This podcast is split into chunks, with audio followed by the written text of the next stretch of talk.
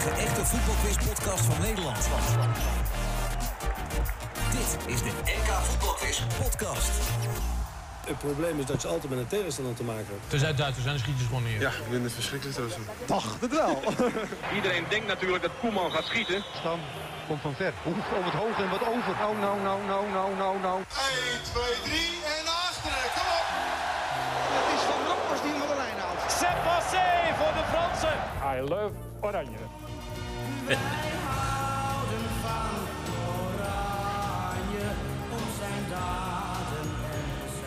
Ja, goedemorgen is het, luisteraars. Aflevering 10, ja, of 9, het is maar net hoe, eh, hoe je het bekijkt. Als we de vorige aflevering meerekenen, de speciale EK-editie met Ruud Gullit, dan is het aflevering 10. Maar als we hem niet meerekenen, is het aflevering 9. Maar dat maakt ook allemaal niet uit. Het is vandaag zondagochtend 13 juni en eindelijk gaat Nederland weer een wedstrijd spelen op een groot toernooi. Zeven jaar geleden in de troostfinale van het WK werd Brazilië verslagen. En vanavond is daar Oekraïne. Allebei een geel shirt bedenk ik me opeens, maar moet ook voor het eerst zijn, denk ik, dat Nederland twee keer achter elkaar tegen een ploeg met een geel shirt speelt op een eindtoernooi. Maar Is Of dat het niveau van de vragen? nee, Gelukkig maar. nou, jullie hebben al gehoord wie de gast is, dus dat is, dat hadden we ook al een beetje aangekondigd op social media. Maar ehm, misschien speelt Oekraïne wel in de uittoernooi vanavond. Nee, want er is natuurlijk allemaal gedoe over dat shirt, hè? Ja, Dus daarom. ze hadden al gezegd, we gaan in dit shirt spelen. En dat Ja, het nou, gele shirt. Ja. Oké, het gele shirt wel. Nou, dan eh, weten we dat ook alvast. Eh, maar ik dwaal weer af. We moeten ook niet te veel uitlopen vandaag. Nou, jullie hoorden het al. We hebben echt een geweldige gast kunnen strikken. We zijn natuurlijk al een paar keer richting Brabant geweest. In eerdere afleveringen. En dat was eigenlijk naar Westerlingen, die daar zijn blijven hangen. Maar vandaag is het andersom. We ontvangen een echte Brabander die in Amsterdam woont. En er is natuurlijk weer heel veel om te bespreken rondom het voetbal deze dagen. En ja, dat zal ongetwijfeld voorbij komen. Maar zoals jullie gewend zijn in deze podcast, zijn het vooral quizvragen. En her en der wat spontane zijsprongetjes. We gaan zo natuurlijk een quizje doen met onze gast. De warming-up over de actualiteit. Dan vijf rondes van vijf vragen met eh, vijf themaatjes, audiofragmentjes erbij. Na elke ronde de antwoorden.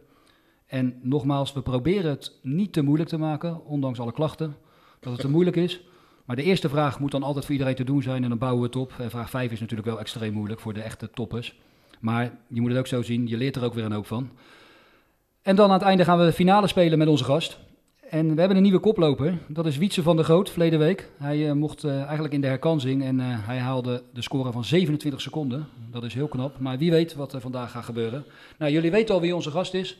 Want jullie hoorden hem, zijn herkenbare stem. Maar toch hebben we nog even een kort introotje. Hij zette zijn eerste stappen op het voetbalveld bij Mierlo Faal Nooit. Was er als fanatiek supporter bij toen PSV in 1988 het grote Real Madrid uitschakelde in de halve finale van Europa Cup 1. Jaren later brak hij door en ontwikkelde zich tot alleskunner. Op alle niveaus liet de aanvaller zijn voeten spreken. Wedstrijdjes in de kelderklasse tegen PVCDW en bij de A-selectie van PSV. Hij stond zijn mannetje.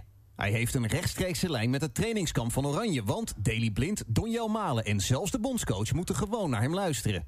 Maar als Oranje straks aan het EK begint, neemt hij gewoon weer de leiding over de barbecue.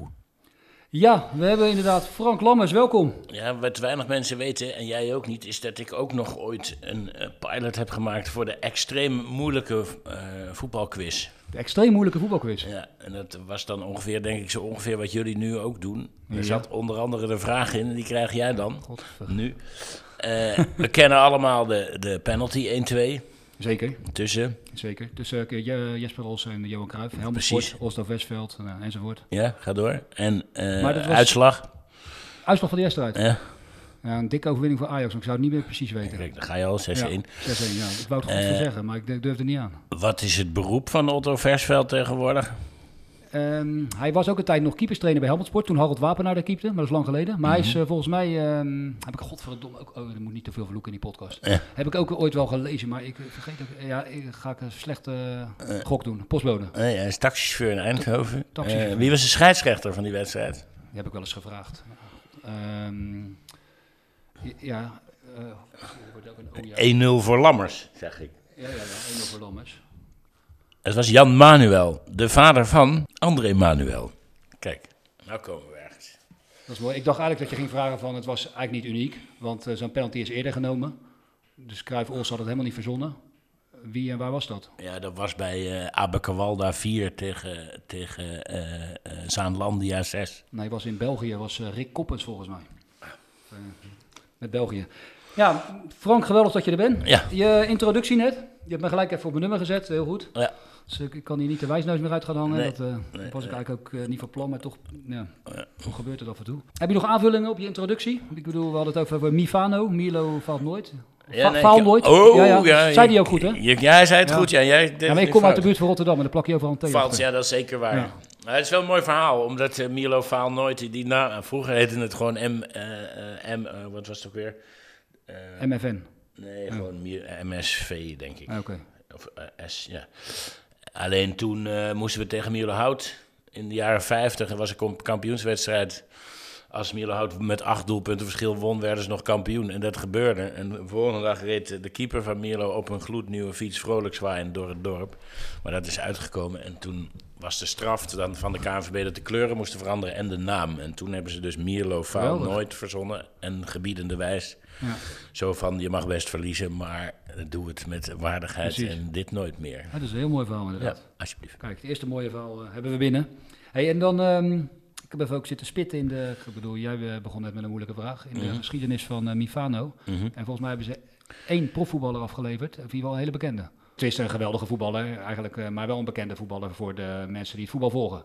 Helmond Sport, De Graafschap. Ja, ja, ja. eh, Ilja van, de- van, van der Weijer. Ilja, Eh, zijn plaats eh, in, eh, wat is het, eigenlijk Gelderland, Utrecht. Ilja, van- Ilja van, Leerdam. Heel goed, van Leerdam. Ja, nee, maar er zijn er nog meer geweest. Karel Welten heeft bij Helmond Sport gevoetbald. Die zat bij mijn team vroeger. Die was aanvoerder op zijn 21ste, maar die ehm, eh, kreeg een knieblessure. En toen was het klaar. en dan is het over. Heb je zelf nog wel eens tijd om te voetballen? Want wat mensen niet weten is dat jij best nog wel lekker kan voetballen. Wij hebben een paar keer samen gespeeld. Ja, nee, ik speel met, mij eh, niet tegen. met Shaki eh, in, de, in de befaamde rondo op Oké. eh, een paar keer per week. Dus met allemaal Ajaxide en Guus Hiddink en ik. Ja. Ja, dat is fenomenaal. Hartstikke leuk. Fijn dat ik daarmee mag doen. Ja. En ehm, ja, we zijn hier op de quizzen, voetbalquizzen. En nou, je hebt me ook wel eens laten weten dat je een grote eh, voetbalquizliefhebber bent. Je zei het net al eh, bij de introductie dat je ooit met de onmogelijke voetbalquiz bezig geweest bent. Dus ehm, Nou, wat ik heel jammer vind is dat je tegenwoordig alles op kan zoeken. Want wij hadden Ja, zo'n vriendenclub vroeger en dan werd je midden in de nacht gebeld met wie maakte er ook weer dat vierde doelpunt in eh, die Europa Cup finale eh, KV Mechelen, nog wat, in de Ja. halve finale. Dan was het antwoord Rafael Quaranta en iemand wist dat dan, dus dan lag je te slapen. Dan werd je gebeld, "Huh, wat? Quaranta, lul. En dan Goed en dan hing je weer op. Ja, dat was leuk. heel herkenbaar. Ja, dat was het dan bij de NK voetbalquiz nog, eh, nog leuk inderdaad. Dan hebben we gewoon een hele sportal, of tenminste de Kuip de laatste jaren, vol. Ja. Met eh, allemaal koppels. Ja. Ja. dan telefoons die moeten gewoon uit en weg. En eh, dan is het gewoon echt een quiz nog. Ja. Dan gaat het echt om parate kennis. Ja, maar het was ook gewoon een manier om contact te houden met je vrienden van vroeger. En, eh, ja, nou ja, nu is het is, alle jij bent van 10 kennis- april 1972. Ja. En dan eh, weet je vast wel eh, welke voetballer er een jaar jonger dan jij is. Precies een jaar jonger, 10 april 73. Had je dat nooit, dat je ging kijken naar voetballers vroeger die op dezelfde dag jarig zijn? Ja, ik weet Omar Sharif en het zal niet een hele goede zijn geweest, want hij Nee. staat niet in het rijtje. Nee. Nee, Dat was eh, Roberto Carlos. Drie- Oh, ja, is van best een- dat is best een goede 73. voetballer. Best een aardige. Vis, Visser Company, ook op eh, 10 april geboren. Hey, en het allereerste doelpunt van PSV, toen jij in leven was, dat was op 16 april, kan er maar één zijn. Je wel, een kuilen. Precies, dat eh, is een gok wel waard. Willy van der Kuilen, de 2-1 tegen Groningen. Wat heb ik allemaal nog meer staan voordat we gaan beginnen? Ja, heel veel eigenlijk. Ben je al bedreigd door de Albert Heijn? Nee, wat is dat zeg, voor een domme actie. Nou, inderdaad. Ja, ze hebben het wel weer redelijk goed op- opgepakt. En dan ga je denken, ze hebben erover nagedacht. Maar ze hadden gisteren opeens een filmpje... eh, Ja, ja, ik zag het, Ja. ja. ja. maar ja, Een hele is- domme actie. Het, is natuurlijk, je kan toch niet een, een gevoel claimen? Wat Nee. is dat nou voor onzin? Alsof dat ooit blijft staan. Maar de KNVB ook, wat, hou je bezig met belangrijkere zaken. denk ja, precies. Die en stopt het geld in het jeugdvoetbal of weet ik veel, wat je daar aan advocaten uitgeeft. Het is echt een rare toestand. Laten we het er niet te lang over hebben. Nee, dat vind ik ook. Er wordt al veel te veel over dat soort dingen gezegd. Maar je bent ook trainer eh, nog af en toe. Ja, van de meisjes. Ja, Ja, dat is mijn lust en mijn leven. Leuk man. Al, al, al negen jaar inmiddels, denk ik, of zo. Vroeger van mijn zoon en nu van mijn dochter al. eh, en ja, ze zijn inmiddels 16, 17. Maar die hebben dan afgelopen week voor het eerst weer echt wedstrijden kunnen spelen? Of? Na die regio cup, eh, kijk, in plaats, de KNVB had het blijkbaar te druk met eh, onzinnige rechtszaken. Die regio Ja. is een beetje een zootje. En zeker bij die pubermeisjes eh, eh, heeft corona wel echt huis gehouden. Er zijn veel teams uitgevallen. Ja, en, dus die eh, ontdekken opeens andere leuke dingen. Maar ik heb met die man negen jaar bij elkaar. Dus het is best, ben ik best dat is bij. TOS. TOS actief. En dat bestaat voor TOS? Dus dat moet jij weten, toch? Nee, dat weet ik niet. Ah, dat- Weet je wel, Jos, eh, dat is daar vlakbij volgens mij. Ja, dat is de buurman. TOS betekent het tot overwinning streven. Ja. Wat mijn dochters team een jaar of vier, vijf vrij letterlijk heeft genomen. Zeg maar. Wat ik ook wel mooi vond. Je mooi. kan niet ineens gaan winnen natuurlijk. Dan Nee. klopt de naam van je club niet meer. Dat is, eh, dat is inderdaad mooi. Ja, laten we maar gewoon gaan beginnen, joh. We gaan het niet over EK-verwachtingen hebben enzovoort. En, eh, ja, je hebt natuurlijk wel, trouwens, een van de grootste EK's hit opeens nog even snel. Ja, dat was ook een verrassing. Ja. ja. Ook En een helemaal hoop de mensen waren verbaasd ook dat je kon zingen. Dan hoor je André, André Hazes junior hoorde ik dat nog zeggen pas. Die had het natuurlijk de Ja. week daarvoor bij de streamers had hij dat opeens door. Ja, dat is wel raar, want ik heb toch een keer of 120 zijn vader gespeeld in de musical. Ja, dus, precies. eh, en ik eh, ehm, heb jou ook nog verleden jaar, of voor corona, een keer nog. Toen, toen was ik eigenlijk voor het eerst dat ik dacht van zo. Ja. Met ehm, in een kleine komedie. Met, eh, Met Ricky. Met Ricky Kolen. Ja, dat was ook leuk. Ja, nee, was, ook, ja, was goed. echt leuk. Dat is goed. Eh, de, de mensen hoeven ook niet alles te weten. Nee, het, is, die- het is hartstikke leuk. je doet zoveel. Het is een prachtig lied natuurlijk, eh, eh, van oorsprong al.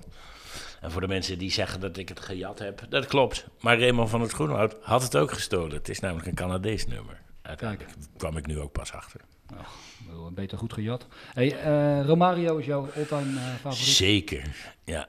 Dat kan ik wel begrijpen, als, eh, zeker als PSV. Romario eh, eh, leefde in een ander tijduniversum op het veld. Die had altijd tijd over. Dat heb ik nooit meer gezien daarna, bij niemand. Ja, Erik Fiscaal een beetje toch? Dat is toch je nummer twee? nee, die, daar heb ik ooit over op de tribune gezegd. Die kan echt niet voetballen. En toen maakte hij er meteen vier. Maar Romario, die had... Dat is echt... Ga dat maar eens terugkijken. Het is echt... Ja, ik heb alles gezien van hem. Ik was ook een groot fan. Oh, man. Ja. En dan stond hij... En dan keek hij zo even rustig. En dan... Dan zei hij, oh, die gaat die kant op. Dan, dan doe ik hem toch heel rustig in het andere hoekje. Prima. Ja, was een genot. Het mooiste verhaal van Romario is, eh, eh, vind ik, dat eh weergeloze doelpunt tegen Steaua Boekarest. Ja. Dat hij daar in die hele verdediging in de luur, als je dat terugkijkt, dat viel me ineens op, dan zie je dat Barry van Aalen echt helemaal vrij loopt. Die loopt mee. Dus Ja, dat heb ik ook geen eens gezien. Iedereen heeft oog op Nee, Romario. maar je moet doelpunt maar eens terugkijken. Die, die staat helemaal vrij. Dus eh, eh, vanuit die hoek scoren is natuurlijk vrij. Hij hem, als hij hem teruggelegd had. Mhm. Dus Van Aarle die zei dat ook nog toen ze naar de kleedkamer liep. Je had hem af moeten geven. En toen zei Romario de onsterfelijke woorden. Je had hem toch overgeschoten. Barry van. Maar kijk hem even terug. Het is echt grappig. Hij loopt zo vrij. Ja, en de luisteraars uiteraard, die eh, moeten dat ook gaan doen. Hey, we gaan beginnen, want de luisteraars worden ongeduldig. Ja. En eh, jij mag gelijk aan de bak. Een actueel quizje, eh, tien vragen over afgelopen week eigenlijk. Yes. En ehm, daarbij hoort natuurlijk een intro. Een jingle. De warming-up. Ja, de eerste vraag gaat over de PSV-dames. Week geleden Ja. wonnen ze de KNVB-bekerfinale van ADO Den Haag. Ja. Maar wat mij en iedereen het meeste opviel, was bij ADO Den Haag een speelster, Jeannette van Belen. Die werd gewisseld 10 minuten voor tijd. En op de bank dronk ze iets heel bijzonders. Wat? Augurkensap. Augurkensap. Ja, Was, dat eh, klopt. Ja, uniek. Vond ik ook. Was wonderlijk. Gewoon recht uit het potje. Gewoon uit het potje, lekker. er heel uit. Ja. Nou, in ieder geval eh, gelijk drie seconden voor het finale spel erbovenop. Bam. Je begint met 30 seconden en dan eh, kan je het opbouwen. Hoe meer seconden, hoe beter. Ja. Tweede vraag. Gisteren, ex-international en EK-deelnemer van het Nederlands elftal. Die viel van zijn racefiets en belandde in de ambulance. Wie was het? Het valt gelukkig mee. Vraag het nog eens. Een eh, ex-international en ook een EK-deelnemer voor Nederland. Meerdere EK's. Die viel gisteren van zijn racefiets en belandde zelfs in de ambulance. Maar het viel mee. Racefiets. Ik weet het niet, dus dan moet ik gaan gokken. Dus dan ga ik even... Ook dan, eh jij als PSV moet je een beetje gokken van... Nou, als er toch iemand van zijn racefiets moet vallen, wie zal er dan mogen vallen? Cocu. Nee, juist niet. Dat is een PSV. En dat zeg je toch? Oh, een Ajax moet er vanaf ja. vallen. En, eh, Ah, nou ja, je, je is bent kans, kans niet. precies. Ja. En eh, volgens mij is hij op dezelfde dag jarig als Cocu. Edwin van der Sar. Ah. Maar het viel mee, eh, zag ik al voorbij komen. Dan gaan we weer naar vorige week. Was hij zonder zijn wieltjes gaan fietsen dan? Ja, waarschijnlijk. Dat moet hij ook niet doen. Nee, precies. En ehm, nee, we moeten niet te beledigend worden, want we willen ook nog wel Ajax aan tafel. Ja, zeker. Maar mag wel een grapje maken. Nee, zeker, dat is waar. Ik heb nu eigenlijk wel heel veel PSV'ers de laatste tijd gehad. Je begint op te vallen, jongen. Ja, nee, op te vallen. Ik heb, eh, ik heb ook Excelsior. Hey, Duitsland werd vorige week eh, Europees kampioen onder 21. Ja. Ze hadden een speler in de ploeg met dezelfde naam als een speelstad van het huidige grote EK. Dat is de rechtsback. Welke naam? eh, ja, Baku. Heel goed, op Ja. stad zoeken we. Ja. Dat was, Maar die eh, heeft eigenlijk een andere voornaam, hè? Of hij heeft een nieuwe voornaam gekozen. Ja, eh, Riedel, Riedel. Riedel, ja. Ja. Want omdat hij fan was van Karl-Heinz Riedle. Nou, dat vind ik dan weer mooi, want dat is uit de tijd dat ik echt heel veel voetbal En weet je wat ik nog geen eens wist? Dat vind ik ook geweldig. Ja, Karl-Heinz Riedle natuurlijk. Ja. Maar dat hij daar, daarvoor zijn naam heeft Ja, daar was hij fan van. Ja, hij heeft het alleen niet met een Ede tussen gedaan. Nee, dat is even mislukt. Ja. De rechtsback eh, van Wolfsburg, die vorig jaar Ja. bij eh Ja. Mark van Bommel mag eh, aansluiten. Of andersom eigenlijk. Ehm, Oekraïne, we hadden het net al even over het eh, omstreden shirt. Ja. En van welk merk is het? Ik gok dat die eh, in Adidas voetballen.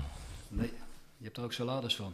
Maar Joma. Joma inderdaad. Mm. Dus die is eh weken we niet goed. Vraag 5. Ja, afgelopen week ook, opvallend verhaal. De 21-jarige Congolees, Wama Gitaku, Gituka, Funda. Die relde zijn, eh, ja, die bleek opeens eh 22-jarige Cong- Congolees te zijn. En die heet eigenlijk Katompa Mfumpa. Ja. En hij werd drie maanden geschorst en 30.000 euro boete. Maar bij welke club speelde hij? Eh, Stuttgart, geloof ik. Heel goed, Ja. ja. Ja, die had even een, eh, verkeerde, of een andere naam aangenomen en een goeke... Ik vind wel dat je het mooi uitspreekt. Ja, goed hè? Doe nog eens. Wama Gituka, Funda. Funda heeft ook een website. Daarom. En eh, hij heet eigenlijk Katompa Mfumpa. Dan gaan we naar vraag 6. De WK-droom van Suriname is voorbij. Van welk land werd kansloos verloren? Ja, ik, volg, ik ben heel erg met Curaçao bezig natuurlijk. Ja, die eh, zijn nog wel in de race. Dus eh, Costa Rica, ik zeg maar wat. Canada. Canada. Ja, met Alfonso Davies van Bayern München. Jammer. En David van Liel, die scoorde allebei. Dan gaan we naar de oefening te land van Nederlands elftal. Tegen Schotland en Georgië. Mhm. Gelukkig zijn ze voorbij. Maar er waren drie spelers die beide wedstrijden helemaal speelden. Noem maar één. Dus die geen minuut misten, niet gewisseld werden. Eentje is genoeg. De Pai. Dat is goed, ja. En die anderen waren Dumfries en Martin de Roon. Dan gaan we naar de openingswedstrijd afgelopen vrijdag van het EK. Danny Makkely. Welke kleur shirt droeg hij? Eh, geel. Nee, Godver. lichtblauw. Ja, jezus. Ja. Wat is dit nou weer voor vraag? Ja, de eerste Nederlander in actie. Ja. En dan ehm, een andere sp- ja, een speler in dit geval. Die in Nederland werd geboren, die heeft al zijn opwachting gemaakt op het EK. Wie was dat? Dus welke in Nederland geboren speler heeft zijn opwachting al gemaakt op dit EK? Het was niet Thomas Land bij Finland, want die eh, is ook in Nederland geboren, maar die bleef eh, buiten de lijnen. Ehm, het was vast een Zwitser. Nee, Ik weet het niet. het Sorry. is eh, Halil Dervisoglu, tuurlijk. Rotterdam geboren. Ja, ja, ja. Sparta Twente en Turkije. speelt voor Turkije, mocht hij invallen. En dan de laatste vraag vanavond. Nederland-Oekraïne. Uit welk land komt de scheidsrechter? Die gaat fluiten. Daar heb ik me nog niet in verdiept. Eh, Maar het is wel een eh, scheidsrechter die eh, al eh, vijf keer oranje eerder floot. Bekende naam, misschien wel een van de bekende. Turkije. Nee, het is eh, een Duitser. Brieg. Oh god. Dat is de man die, ja, het zou jou eh, fijn eh, klinken, die Ajax tot een Hotspur floot. Ja, dat deed hij toch helemaal niet verkeerd. Dat, nee, eigenlijk niet. Hij strafte Onana, omdat hij gewoon, dat was gewoon dom. Die, die had gewoon niet zo lang tijd moeten rekken. Nee, sorry, maar het lag echt niet aan de Hij floot overigens ook Real Madrid Ajax eh, toen. Het wel een van de hoogtepunten ook in de voetbalgeschiedenis. De voorbeschouwing van Valentijn Driessen. Van ja, goed hè. wedstrijd. Ja. Dat Die heb ik volgens mij de allereerste podcast nog even laten horen. En toen, eh, Oh man. Nee, die kun je rustig de bal geven. Die scoort toch niet. nee. Ja, maar dat was de vraag ook toen. Weet je wat, er, wat wel zo was? Hij had zich ook helemaal niet goed ingelezen. Nee. Hij had een maand eerder had hij gewoon eh, bij eh, Tottenham, had in de ehm, competitie, had hij gewoon drie keer gescoord in één wedstrijd. Ja. Dus het was niet de eerste keer. Nee. Vertel hoor. Het aantal, eh, Ja, teleurstellend toch. ja, gelijk weer een troep van gemaakt van administratie. Maar ja, de kleur shirt. van Danny Makkely. 1, 2, 3, 4. 12 seconden bovenop de 30. Dus ga je zo met 42 seconden starten. Maar dat, ja, als je gewoon één keer de reeks afmaakt, hoeft dat niks te zeggen. Ja, dan gaan we beginnen met eh, ronde 1 voor de luisteraars. En ehm, die heeft altijd een thema, maar eerst de jingle. Ronde 1. Ja, ik, we hebben wat eh, willekeurige thema's gekozen, maar ook een aantal die wel echt toepasselijk zijn eh, bij onze gast. Maar de eerste eigenlijk niet. Of misschien eh, vindt hij zelf al wel, maar dat, Mag hij zelf dan aangeven. We hebben namelijk gekozen als thema de Efteling. Ja, man. Ta, ta, ta. Precies. Ik ben dol op de Efteling, man. Ben je, ben je ook altijd niet geweest dan natuurlijk? Nee, ik ben heel lang niet geweest. Waarom? Nee, nee, zonde. Ja, Ja. Nee, heerlijk. Ja. Een fijn Ik thema. opeens dacht ik van, waarom weet ik niet? Ik kies voor de Efteling. Ik vind het leuk. Dus we gaan beginnen met het eerste fragment.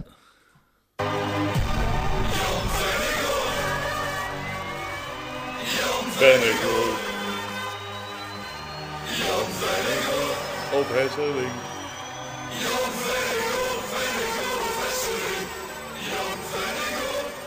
Ja, Jan Vennegoor of Hesselink. Eh, Langnek, Lange Jan. Dus eh, Efteling. Maar Jan Vennegoor of Hesselink, hij speelde namens Nederland op het WK 2006 en het EK 2008 als invaller. Maar welke nog langere Jan speelde ook op beide toernooien? Niet het antwoord zeggen nog. Mag ik geen antwoorden geven? Nog niet, want we doen nu vijf. eh, kijk, dan kunnen de Oh, mensen, die moet ik bewaren. kunnen de mensen thuis meespelen, kunnen ze meeschrijven, Ja, dan kunnen ze ja, eventueel ja, met elkaar doorgeven. weet je, kunnen ze echt een quiz spelen. Bij gebrek aan eh, echte voetbalquizzen nu in de kantine. Ja. Dus eh Vennegoor Wesseling speelde op het WK 2006 en EK 2008. Maar welke nog langere Jan speelde ook op beide toernooien? En dat is natuurlijk niet voor Nederland. Ja, oké. hem. Oké. Hey, Vennegoor eh, bij PSV nu een nieuwe functie. Hij is eh, ja, misschien wel eh, op John de Jong naar de belangrijkste man op technisch gebied. Ja. Heb je er vertrouwen in? Nou, kijk, wat mooi is, als je in de verlenging komt bij PSV, daar hangt een galerie van voetballers die daar niet hangen om hun voetbalkwaliteiten, maar om hun gezelligheid. Brugging, Vennegoor, John de Jong, eh, die altijd ook goed hebben huisgehouden daar eh, na de wedstrijd. Dat- Ik ben er één keer bij geweest, ik weet het. ik vind dat dat beloond mag worden met een baantje. Ja. Ja. Een club moet ook gewoon een, eh, een, een, een club zijn. Het- het- Ik ga iets raars zeggen, maar ik was in de Kuip vorige week om, om, om met de streamers. Ja. Hadden we een concert. En wat mij opviel daar, en dat is niet om te zeiken, want ik hou ook echt van Feyenoord, vind ik een mooie club. Maar alles is afgebladderd in het stadion.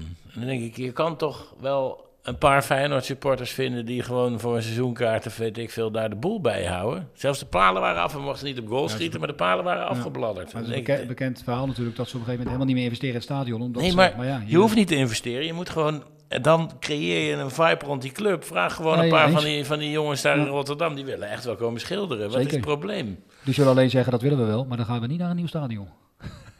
Ja, maar Ja. je, je, Nee, maar het je- is, je eh, moet ja, iets met z'n allen doen en een Ja. soort warm, warmte creëren Nee, rond zo'n club. En, dat is eh, overduidelijk. Eh, een, een goede vriend van mij, die heeft eh, bij PSV nog een jaartje gekiept, Oscar Moens. Ja. Ja, die, eh, die heeft natuurlijk ook overal rondgelopen. En die zeggen ook qua, qua warmte, en Willem II trouwens ook wel, gewoon in het zuiden is dat eh, een groot Ja, verschil dus met de andere clubs. Dat is belangrijk. Eh, gewoon omdat het voetbal ook een sociale eh, eh, functie heeft. Zeker, we gaan naar vraag 2. En uiteraard weer iets met de Efteling. Eddie Merckx. Oh nee, het is een voetbalpodcast. Ja. Oh, en ook eh Eddie Merckx ook biljarter, hè? Wereldkampioen. Ja, Monsieur Cannibal, maar het is inderdaad een voetbalpodcast. Dus een andere kannibaal in de voetballerij. Khalid Boularus, werd de kannibaal genoemd. Ja. En hij speelde in het seizoen 2012-2013 bij Sporting Club de Portugal. In Nederland zeggen we gewoon Sporting Lissabon. Ja. Maar met welke drie ex-PSV'ers speelde hij daar samen dat seizoen? Straks weer eh, het antwoord. Seizoen 12-13, Cali Boularus in Sporting Portugal. Gaan we naar vraag 3. Just a young gun with a quick fuse. I was uptight, wanna let loose. I was dreaming of bigger things and wanna leave my old life. Ja, de Imagine Dragons. Met het nummer Thunder. Nou, Dragons, Joris en de Draak. Wie is de enige niet-Europese trainer die Joris Matthijssen tijdens zijn loopbaan had? Zij speelde ja, voor meerdere clubs. En hij had bij één club een niet-Europese trainer. Joris Matthijssen. Wie was dat? Bekende trainer? Had een aantal andere grote clubs eh, onder zijn hoede. Gaan we naar de volgende vraag. De rode schoentjes. Balschoentjes. De rode schoentjes. Spro in het Sprookjesbos, eh, toch, in eh, Efteling? Ja, dat is, ik bel altijd mijn goede vriend Kees Boot als we daar zijn. En hij mij. Gewoon, zomaar. Nee, om de schoentjes te laten horen, omdat wij daar Oh. allebei heel gelukkig van worden. Ja, mooi. En dan hoor je de rode schoentjes. Ja, de vraag gaat over een voetballer met rode schoentjes. Ja. Tijdens de WK-finale in 2006. Frankrijk kwam op een 1-0 voorsprong. Strafschop van Zidane, weet je wel, die eh, stift onderkant lat, eh, Ja. die er wel in zat. Welke Fransman met rode schoenen werd door Marco Materazzi neergehaald, waaruit de strafschop volgde? Een Fransman die had rode schoenen aan op dat moment. En die eh, werd neergehaald en Frankrijk kreeg een strafschop. Speelde een belangrijke rol Materazzi die finale. Eerst veroorzaakte hij die strafschop, toen scoorde hij. Toen dat andere incidentje. Die heeft nog rood. Nee, Zidane kreeg rood. Oh ja, die, die ging hem in zijn En ribben hij, ja, koppen. ja. en hij scoorde natuurlijk nog eh, een penalty ook, volgens mij Materazzi. Dus die was eh, nadrukkelijk aanwezig. Maar het begon niet zo goed, want hij veroorzaakte een strafschop. Maar wie was die Fransman met de rode schoenen?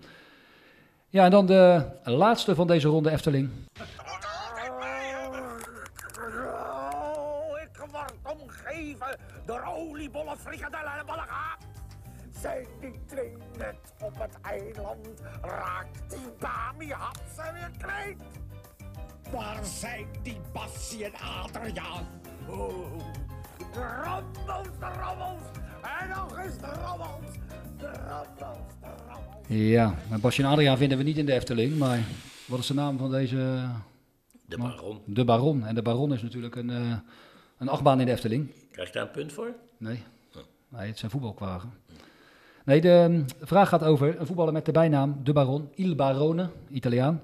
Hij was na keeper Dino Zoff de oudste speler op het veld in de WK-finale van 1982. Hij viel in in de 89ste minuut. Wie was dat? Il Barone, een Italiaan. De oudste speler in de WK-finale na Dino Zoff in 82. Ja, tot zover deze ronde. We gaan naar de antwoorden van ronde 1. Antwoorden ronde 1. Ja, we begonnen makkelijk. Ja. Lange Jan. Jan Koller. Jan Koller, de Tsjech inderdaad. Dan de drie PSV'ers, ex-PSV'ers, die eh, samen met Kali Boularus destijds bij Sporting Lissabon speelden. Stan Valks?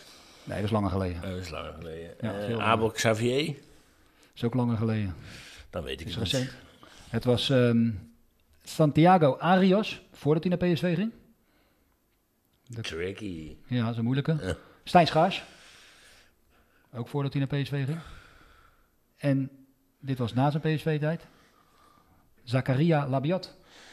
Jezus Christus, wat een mislukte types. Ja, maar ja. Eh, Speelde toch ook echt voor allebei die clubs. Ja. Met Boeleroes. Ja. Hey, de volgende vraag ging over eh, Joris uh, Matthijssen. Hij speelde tijdens zijn loopbaan natuurlijk voor eh, Willem II, AZ, HSV, Mhm. Malaga en Feyenoord. En bij Malaga had hij een ehm, niet-Europese trainer, een Chileen, die ook bij City trainer was en bij Real Madrid. Manuel Pellegrini. En maar mag ik nog even nadenken? Jezus, wat is Sorry. dit? Ja. Ik wist het. Nee, geloof ik. Dus ik krijg een punt. Je hebt het te vroeg Ja, gezegd. hier krijg je toch geen punten voor, maar... je krijgt Oh, je krijgt hier geen punten voor? Jij niet. Oh, ik niet? Oh, dat is gewoon voor de lol. Dit is Eh, voor de zit, oh, ik zit me hier helemaal druk te maken, man. Nee, ja, dus een beetje trainen alvast voor straks die finale. Ah, en daarnaast gewoon een beetje sterke verhalen, er, sterke verhalen eromheen. Heb je nog sterke verhalen over... eh, Manuel Pellegrini, Pellegrini? Pellegrini? Nee. Nee? Oké. Over Joris Matthijssen ook niet. Ook niet, Nee, dat is een beetje het probleem van Joris Matthijssen. Dat hij te weinig sterke verhalen Dat denk ik ook, ja. Hij bleef er net in met Willem II. Die heeft wel een flintje te zweten, denk ik. Dat is wel een sterk verhaal, ja. Ja, heel sterk. We gaan naar ehm, de vraag over eh Materazzi en de Fransman met de rode schoentjes.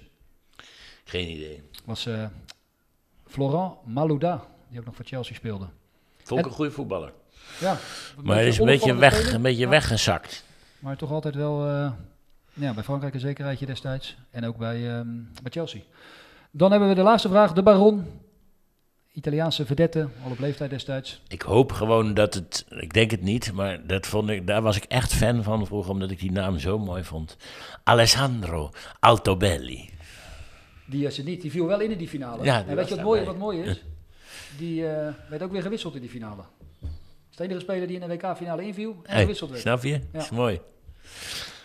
Eh, het was Franco Causio. Ja, we gaan naar ronde 2. Oké. Ronde 2. En het thema van deze ronde, de filmrollen, of eh, in ieder geval rollen van Frank Lammers. Oké. Oké. Kan je alle kanten mee op. Daar kan, eh, kunnen we echt alle kanten mee op. Ja, ik heb vijf vragen, dus ik heb er vijf uitgekozen. En de Mhm. eerste gaat hierover. In een blauw geruite keel draaide hij aan het grote wiel de ganse dag. Ja, want een van jouw glansrollen was Michiel de Ruiter. Ja. En die komt, en zijn standbeeld staat in... Vlissingen. In Vlissingen. Niet echt een voetbalstad, maar ze hadden natuurlijk wel ooit VCV Vlissingen. Eventjes. Eventjes. Eventjes betaald voetbal. Maar de vraag gaat over die periode kort daarvoor, toen nog geen betaald voetbal was. Welke latere international speelde kort voor Vlissingen, de amateurs toen?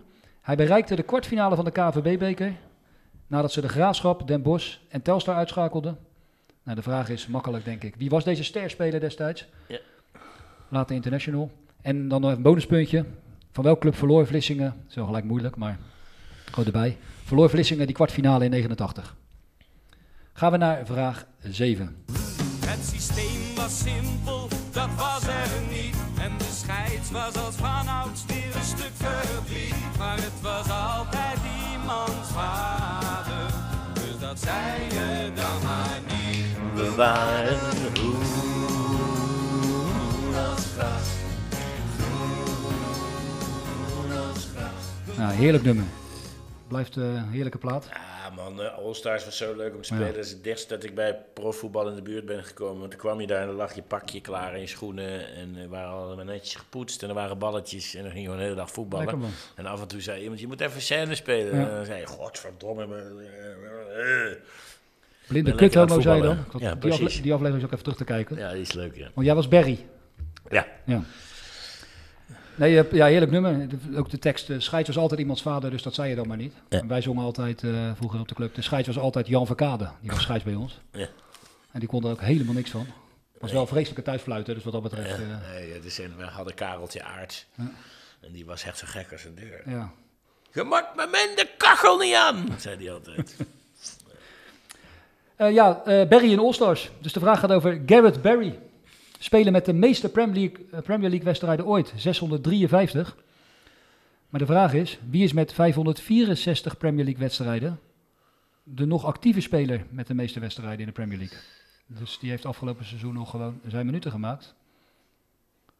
Geen idee. Gaan we straks vertellen. Volgende, ook eigenlijk misschien wel mijn favoriete film. Als jij denkt dat jij op zondag gaat lopen hardlopen, God heeft met ons gesproken. Ja, het, is, het gaat natuurlijk over Rotterdam, dus dat vind jij al snel leuk. Dat vond ik mooi. Dat heb ik al meerdere keren gezien. De marathon. De marathon. Hey, en dan ehm, in het voetbal hoor je wel eens eh, zo, dat is de marathonman. Maar welke twee veldspelers misten afgelopen eredivisie-seizoen geen enkele minuut? Twee spelers die geen enkele minuut eh, misten. En ehm, kan ik wel een hint bij geven. Eén van de twee, denk ik dat hij vanavond wel gaat spelen in het Nederlands elftal. Maar er zitten niet veel eh eredivisie Daarom. meer in. Dus, eh, En dan vraag 9. Jouw ja, rol waarmee je op het moment eh, denkt dat je vaker Ferry genoemd wordt dan Frank. Dus we gaan luisteren naar Brian Ferry. Brian Ferry.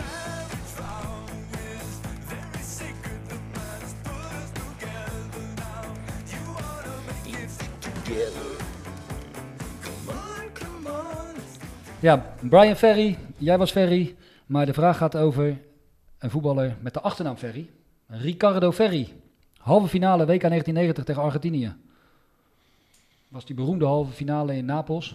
Dat heel het stadion eigenlijk gewoon voor Argentinië was, in Italië. Strafschoppen. Drie ploeggenoten van Ferry. Die speelden, hij speelde bij Internationale. En er waren drie ploeggenoten van Ferry die ook die wedstrijd speelden. Met Italië. Wie waren dat? En een van de eh, internationale spelers, ploeggenoot van Ferry, die miste de beslissende strafschop. Als je alle drie weet, dan ben je echt een topper. En eh, weet je de twee, ben je ook goed. En weet je de één, ben je eh, ook redelijk goed. Oké. En als je er geen weet, Dan ben je heb Frank, je weer geleerd ben je. Frank Lammers. Dat heb je straks weer wel geleerd. Hey, en dan de laatste. We hebben al Ber- Berry gehad, Ferry gehad, maar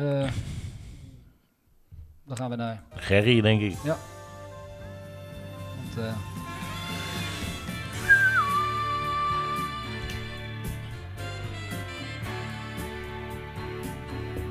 Dit is Gerry Rafferty met Baker Street. En ehm, ja, in de coronatijd toen eh, was daar opeens de film Gerry. Ja, ik ben een vervolg aan het maken. Komt 8 Oké. juli op Pathé. Kun je die zien. Oh, leuk. Het heet Harry in Huizen Gerry. Harry in Huizen Gerry. Ja. eh, En, Gerry. en dan eh, weer in je onderbroek. Nee, eh, dus in de vorige kreeg hij verkering met een eh, of, eh, kennis aan een webcam-dame. En nu is ze hoogzwanger. Ze krijgen Kijk. een corona-baby. Een corona- Daar- een daar corona gaat het webcam-baby. over. En volgens mij is hij wel gelukt, die film. We hebben weer in goed. zeven dagen gewoon in elkaar gestampt. Goed man. Hey, en 8 juli. die baby die heet dan Cherry. Ja, daar kunnen we helaas nog geen mededelingen Oh, over een doen. keer de, fi- de film Cherry, dat jij dan in Ja. Baudet gaat spelen. Ja, langs een zwembad. Ja. Nee, zo ijdel ben ik niet. Een piano Krijg ik niet gespeeld. Nee? nee, dat geloof ik ook niet. Ehm, ja, nou, de vraag bij natuurlijk, Gerry. Gerry Dijkers, ja. ja. De held van 1978, Ja. de UEFA Cup.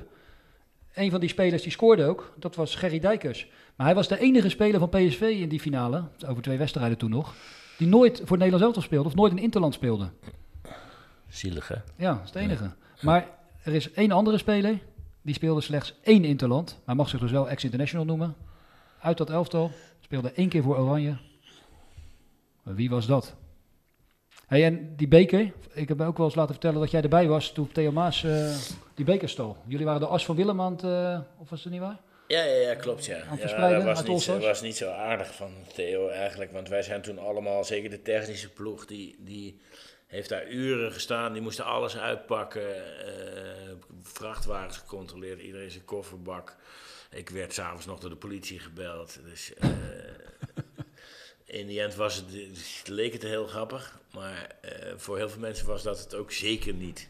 Theo, Dus er zat, eh, toen die hem later eh, bij Jack van Gelder aanbood, zat er nog wel een beetje van echte, echte spijt het, in. eh, het wij- was, het was wij- geen toneelstukje. Nou ja, dat weet ik niet of hij er spijt van had, maar, maar ik weet wel dat ik het niet heel grappig vond. Nee. Maar goed. Maar ja, achteraf is wel een mooi verhaal weer. Dat hij hem de tweede keer dan nog een keer gejat heeft, dat vind ik dan weer wel grappig. Dat moet je even verder vertellen dan. Hij heeft hem nog, hij, hij heeft hem nog een keer meegenomen. Het is een soort kleptomanie. Ja. Achtig, eh, Oké, ja. maar toen heeft hij ook wel gelijk teruggegeven. Iets sneller, ja. Oké, nou de goede antwoorden van deze ronde, ronde 2. Antwoorden ronde 2. De eerste vraag, Vlissingen. Van Vossen, Peter Inderdaad, van Vossen. Peter van Vossen. En toen werden ze toch nog uitgeschakeld in de kwartfinale. Die eh, bonusvraag, dat was Volendam. helaas FC Den Haag. Goeie gok. Bijna hetzelfde. Ja, de eh, Premier League speler in de huidige Premier League die de meeste wedstrijden heeft gespeeld. Nee, weet ik niet. James Milner van Liverpool. Dan de twee marathonmannen in de eredivisie afgelopen seizoen. Eentje speelt vanavond, dus die eh, ja, staan gewoon in de basis als het goed is. Ja, maar wie, oh, wie staat er? Dat moet dan Dumfries zijn, maar dit... Nee, aan de andere kant. Oh, oh, Wij- Wijndal. Ja. Heeft hij alles gespeeld? Alles gespeeld, geen minuut gemist. Sergio Pat of zo. Ja, keeper is ook nog wel, eh, maar eh, klopt. Maar eh, Oh. dit waren, de vraag was veldspelers. Nee, dat zei je niet. zei ik zeker dat wel. zei je niet. Zeker wel. Nee, we hebben een stagiaire erbij zitten. We gaan dit terug. VAR. Ik, eh, ik roep de VAR in. Gaan we straks, eh, na- gaan we straks nakijken. En Ja. eh, dan ga ik door het stof. Oké. Of niet. Ik denk het niet. Maar wie was het? Ehm, ja, jij zei Sergio Pat, maar het was iemand die vlak voor hem speelde. Het was Ko Itakura. Oh, tuurlijk, die. Ja, de Japanner van Groningen, de City-huurling. En dan de drie internationale spelers. Het waren er vier met Ferry erbij. Riccardo Ferri tijdens die beroemde halve finale in 1990. De keeper van Italië toen. Sof. Walter Zenga, Oh ja. 1990. Ja, dat wel. Dan eh, ja, de ehm, Italiaanse verdediger die er in 82 inderdaad al heel jonkie ook al bij was. Een jaar eh, eh, internationale speler, miste Inter misschien wel. Giuseppe, Saroni. Nee, dat is een wielrenner. dat is een wielrenner die wereldkampioen, die wereldkampioen wordt op de sprint. Bergomi. Oh, Bergomi. En dan de Nee, penalty. heette nog Claudio. Giuseppe Bergomi. Clau- Claudio. Wie Nee. is dat dan? Claudio Bergomi. Claudio Bergomi, dat is eh, misschien eh, een Italiaanse uh. Die de schaduw van Alberto Tomba ooit eh Dat zou ook nog kunnen. 13e werd op de Olympische La Spelen. Bomba. Weet ik het. En Aldo Serena, die miste de strafschop. De slungelige spits. En dan de laatste vraag. Degene die één interland speelde in het 78-team. Gerry Dijkers 0. Harry Lupsen. Fantastisch. Ja. Harry Lupsen Hey, inderdaad. Ja. Kijk eens, ja, PSV. PSV dan, eh, Komt het goed. Heel knap. En dan de derde ronde. Ronde 3.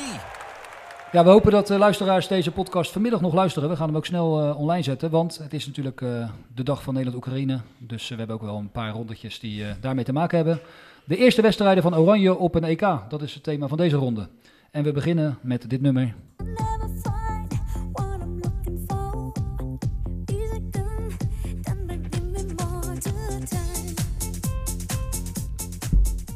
Ja, two times. En Lee. Ja, de allereerste wedstrijd van Nederland zelf al op een EK-eindronde was eh, niet de meest succesvolle. Nederlaag in de halve finale, twee rode kaarten, zwarte bladzijde in de Nederlandse voetbalgeschiedenis tegen Tsjechoslowakije. In 76. Ook in 2000 startte Nederland tegen Tsjechië, Tsjechoslowakije. Maar de vraag is, two times, tegen welk land startte Oranje ook twee keer een EK-eindronde? Dus ze starten twee keer tegen Tsjechoslowakije, maar er is nog een land waar tegen zij twee keer de openingswedstrijd speelden op een EK-eindronde. Welk land is dat? Vraag 12 of vraag 2 van ronde 3. Frank Boeien. Een andere Frank.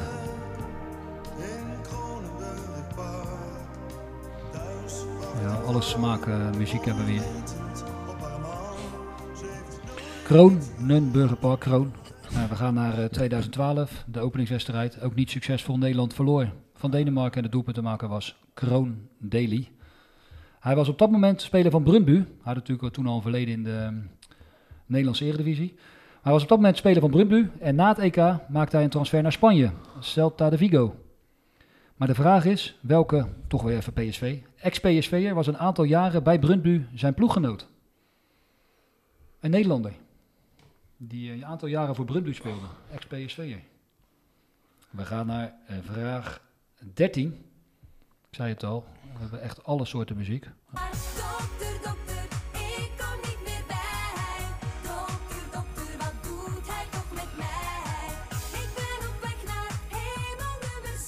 Dokter, dokter. Eh, we gaan naar eh, de openingswedstrijd van Oranje op het EK 2000 in eigen land. Dat was, eh, we hadden het net al even over tegen Tsjechië. Overtreding was het niet echt, toch echt Nederland een strafschop. Ronald de Boer die sprong in de lucht en die kreeg een strafschop. Toen scoorde broer Frank hem wel. En Nederland won met 1-0. Een cadeautje van Colina. Maar de dokter, die had ook een hoofdrol die wedstrijd. Dat was eh bondsarts Huip Plemper. En die werd toen bekend als dokter Bibber. Want hij hechtte Jaap Stam. Met eh, alle lenzen op hem gericht. En stond hij te bibberen, maar hij hechtte Jaap Stam. Toch moest Stam worden gewisseld. De vraag is, wie viel in voor Jaap Stam? En was de enige speler die wedstrijd van Nederland die bij een eredivisieclub speelde op dat moment. Dus heel die ploeg eh, speelde bij allemaal topclubs in het buitenland. Jaap Stam ging eruit, maar wie was zijn vervanger? En jij stoot ook pas flink je hoofd, toch? Ja, de Kuip, maar ik ben niet de enige, geloof ik. Aan die tunnel, Die, nee. tunnel die deugt niet. Nee. Hans Kraai heeft dus eh, een kop open gehaald. Ik geloof de advocaat er tegenaan is gelopen en nog wel een aantal types. Eh, mooi- die- mooi rijtje. Die, ja, dat sta ik toch maar mooi in. Zo is het. Maar die tunnel die zit precies op de verkeerde hoogte. Het is echt moest een onding. Moest je recht worden? Of, eh? Nee, nee, nee, nee, nee. Maar ik, er keken natuurlijk 2 miljoen mensen. En ik, heb, ik weet nog bij de Soundmix Show iemand ooit zijn kop stootte en die ging toen toch zingen. Het kwam allemaal bloed, Ja. dus ik was heel bang dat het kapot was. Dat is ook wel weer, En ik eh, dacht, eh, oh god, dus ik stond wel even zo van, komt er echt niks af. Want het is wel heel gênant. Ja, aan de ene kant wel, maar aan de andere kant is het ook wel weer mooi. eh. Maar ja, ik zei, ik Pas zei al, de kuip, eh, de kuip wordt toch gesloopt. Dus ik ben maar vast begonnen. Met een kopstootje tegen de tunnel. Ja, de streamers. Ik heb die, eh, die heb ik niet gezien. Ik had lekker de Champions League finale gekeken, sorry. Ja, dat begrijp ik. Ja. Kan ook tegelijk, hè? Twee schermen. Ja. Beetje dat zou- multitasken op Dat het zou ik misschien doen bij een andere wedstrijd, maar niet bij de Champions League finale. Heb je genoten dan? Ja, op mijn manier wel. Toch wel. Ik heb slechtere Champions League finales gezien. Vraag 14. Gaan we naar een openingswedstrijd. En als je dit nummer hoort, dan weet je welk toernooi het was.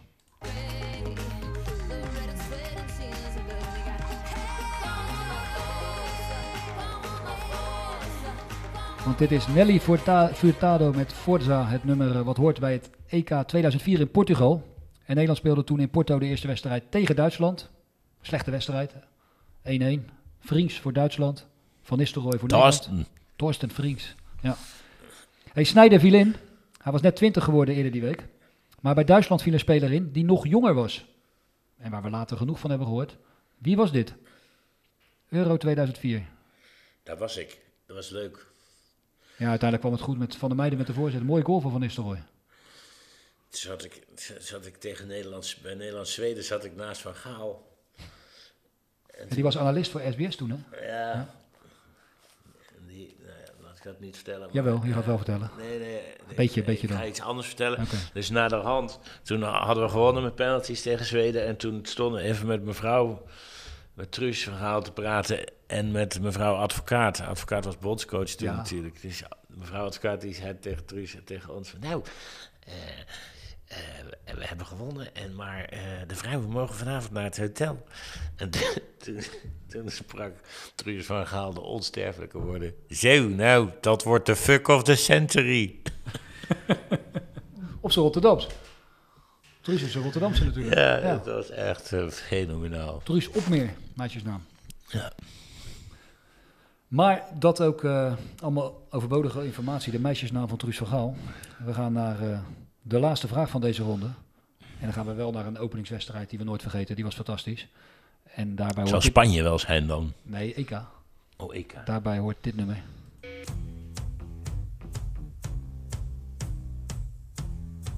Toen ontstond ook de alternatieve tekst eh, richting Luca Toni, volgens mij, die wedstrijd. Luca Toni is Die, ja. Ja, de Seven Nation Army. En, Waar eh, niks mis mee is, overigens, voordat daar ingezonden brieven over komen. Nee, zeker niet. Dat moet hij zelf, eh, Moet hij zelf precies, weten. Een goede spits. Ja. Ja, de beste openingswedstrijd van Nederland ooit op een EK. Wereldkampioen Italië werd verslagen met 3-0. Snijder was jarig en scoorde 9 juni 2008. Komende donderdag speelt Nederland tegen Oostenrijk. En dan is er ook een oranje speler jarig. Wie is dat? Dus wie is de komende donderdag jarig op de dag van de wedstrijd Nederland-Oostenrijk? Ik, had, ik, ik weet dat ik hier niet met die Helmond Sportvraag te kakken had moeten zetten aan het begin van deze uitzending. Ik word hier aan alle kanten links en rechts gepasseerd. Nee, misschien dat een hoop mensen het ook nog niet weten, maar dat zal ongetwijfeld eh, over een paar dagen zal iedereen het erover hebben. Maar dan moet je die podcast natuurlijk al lang geluisterd hebben. Ja. Ja, we gaan naar de antwoorden bij ronde 3. Antwoorden ronde 3. Het andere land waar Nederland twee keer tegen speelde bij een openingswedstrijd van een EK. Rusland. Nee, dat was één keer. Ze speelden wel twee keer tegen Rusland op een EK, dat is ook uniek. Ja. Nee, ehm, ze speelden in 92 de eerste wedstrijd tegen Schotland. En in 96 ook. Twee keer tegen Schotland. Het was vast niet memorabel. Nee, zeker niet. Dat was het zeker niet. Eh, Afschuwelijk. ze wonnen en ze speelden gelijk. Dan eh, de Nederlander, de um, ex-PSV'er, die samen met Boularoes nog bij Brun... Of eh, sorry, niet bij Boularoes, ik eh, zeg het verkeerd. Met uh, Kroondeli bij Brunby speelde. Ja, dat weet ik niet. Remco van der... Pa- eh, Hij deed wel soms een beetje zijn naam eer Schaaf. aan. Van de Schaaf, ja. ja. Ah, ja, ja. Dan de vervanger van Stam. De enige speler die, eh, dat was bij Feyenoord toen, in de Eredivisie speelde, die die wedstrijd in actie kwam voor Oranje. Ook vergeten. Betje Konteman. Ja, maar dat vond ik ook, met alle respect Ja, Bert, maar ik werd er nooit heel warm van Nee, om te zien voetballen. Later Nee. speelde Bosveld ook dat toernooi natuurlijk eh, Ja. veel aan de rechterkant. Maar die wedstrijd nog niet. En dan die vraag over de nog jongere Duitser. Jonger dan Snijder. En Duitser, veel van hebben gehoord. Waar wij zeker veel van hebben gehoord. Prachtige Duitse naam. Die altijd lekker op zijn Duits kon uitspreken. Müller. Nog lekkerder. Bastiaan. Schweinsteiger. Juist, Schweinsteiger. En dan de ja... Schweini. Schweini. Ik ben een keer, eh, dit is wel echt een goed verhaal. Mooi. Toen ik, eh, ik ben getrouwd in 2006. En toen eh, was natuurlijk het toernooi in Japan en Korea. Nee, dat is 2002. Of, nee, in, waar was het toen? 2006? In Duitsland, maar... Of ben je in 2002 getrouwd? Ik bedoel, je, Nee. weet, je weet wel waar die toen was. Je weet niet meer waar je getrouwd bent waarschijnlijk. Nee, Of ben je- 2006. Was het in Duitsland? In Duitsland, ja. Ja, en dat was de eerste keer dat Duitsland echt mooi voetbalde. ook. Zeker. Die werden derde of zo. ja. En, dus, en wij gingen op huwelijksreis naar eh, Ibiza. Dan zaten we in een of andere hideout, hadden we van iemand gekregen. Er was helemaal niemand, niks. Ik en mijn vrouw en ik lig daar aan het zwembad en ik denk, eh, ballak, doet hij hier nou? En eh, eh, Leeman en weet ik wie daar allemaal. En ik denk, dit is gewoon... Het hele Duitse elftal zat daar. Die waren daar met z'n allen op vakantie. Na het WK? Na het WK. Dus die, die gingen nog leuk met mij babbelen van waar kom je vandaan. Die zijn uit Nederland. Wij deden natuurlijk helemaal niet mee. Dus ik werd daar vierkant uitgelachen. Ik had ook niks te zeggen. eh, eh, want ze voetbalden gewoon ook leuk. Vroeger kon je nog zeggen, ja, maar Ja. jullie kunnen er eigenlijk niks van. En het ergste was natuurlijk dat die jongens die lagen daar allemaal aan het zwembad een beetje buikspieroefeningen te doen. Dus het kwel liep mijn vrouw aan alle Ja. kanten. Eh, Ik zeg, hé, hey, we zijn net getrouwd, doe even normaal joh. Zegt, ja, dat snap je toch zelf ook wel. Zeg, ja, dat was, toen was Duitsland Eh, eh, bijna in de finale. Unieke, unieke huwelijksreis was het. Ja, dat... Mijn, mijn, dat mijn dat sympathie voor de Duitsers is er niet groter op Nee, geworden. maar dat is ook apart. Dan zit je, nou, wat is het, acht, negen weken met elkaar. Ze hebben tot aan de derde, vierde Ja. plaats speelt dat toernooi. Ja. Met elkaar opgescheept eh, tijdens dat toernooi. En dan ga je even met elkaar op vakantie ook. Nou ja, dat, dat, is, dat Ja. tekent die, die, Dat is ook wel waar. die teamgeist. Teamgeist. Ja. ja, ze verloren toen in de halffinale van Italië. En eh, Del Piero scoorde nog in de, echt, eh, echt in de dying seconds van Ja, de verlenging. van, Duits, van de ja. verlenging. Ja. Al achter. Maar die scoorde de laatste goal, dus qua minuten, ooit gescoord op een WK eindronde. Die scoorde geloof ik in de 123ste minuut, eh Del Piero. Kijk, dat zijn weetjes. Precies. En dan de laatste, de jarige Job, aanstaande donderdag. Dus heel het stadion zal wel... eh, lang zal hij, ik, zit, ik, ik ga trouwens naar het stadion donderdag, maar ik ga echt niet... eh, De paai. lang zal zijn leven zitten zingen daar. Nee, het is ehm, Timber. Julian Timber. Is die, wordt die, hoe, oud? 14 wordt hij? Het wordt 14. Oh, wat Ja. goed zeg. Ja. Wat leuk. Ja, gefeliciteerd jongen, nu Ja, al. nu al. Tegen Oostenrijk, maar eerst vanavond. Ronde... Ik hoop dat zijn broer wel ook een cadeautje krijgt dan thuis. Ja, is in Utrecht, hè? Die is in Utrecht gegaan. Ja. Ja, ja die is ook... Ja, ja, Ja, die is ook jarig. Niet vergeten. Ja. vergeet ik gewoon. Ja. Maar ehm, we gaan naar ronde 4. Ronde 4. Ja, Frank Lammers. Maar deze ronde gaat niet over je achternaam. Dus niet over Sam Lammers, John Lammers of eh, Jan Lammers. Dan heb ik het niet over de autocoureur. Maar er is ook een Jan Lammers bij... eh, weet je welke club die nu speelt? Nu? Ja. Hij zat bij de Graafschap, maar speelt tegenwoordig voor Top Os. Top Os, ja, Jan ik wou het al zeggen. Ja. Maar ik heb het mezelf veel makkelijker gemaakt, want het gaat over voetballers met de naam Frank. Ja. En dat er heel veel. Dit EK geen één. Echt geen Frank? Geen Frank. Ik heb uh, langsgelopen. Maar wel een bondscoach natuurlijk. Nou, daar eh, weet je alles van. Ja. Met je prachtige, prachtige nummer 1 hit. En we hebben natuurlijk wel Frankie. Maar dat is geen Frank. Nee, de ronde gaat over Franken. Het eerste fragment. Hey, Aaron, Aaron, Aaron, je lul hangt uit je broek. Je lul, grapje. Jouw je keek man, je keek jouw Hey Stam, hij keek toch? Ja, ja. Je deed zo, jouw Ja, een sketch van Najib Amali. eh, die deed de toenmalige bondscoach Frank Rijkaard na. Als eh, coach van Oranje. Eh, Frank Rijkaard, 22 interlands was die bondscoach van het Nederlands elftal. Tussen 98, n- nou, dan een stokje over van Hiddink na het WK. En ja, zijn laatste wedstrijd tegen Italië in 2000 op het EK. Hij liet 11 spelers debuteren. Twee van die spelers zouden later meer dan 50 interlands spelen. En het zijn ook de enige twee spelers die op een WK eindronde zouden spelen. Wie zijn dit? En één daarvan, die ken jij heel erg goed. En die andere trouwens ook wel, denk ik. Oké. Dus twee van de spelers die Frank Rijkaard liet debuteren speelden meer dan 50 interlands en speelden later nog op een, een WK eindronde. Vraag 17.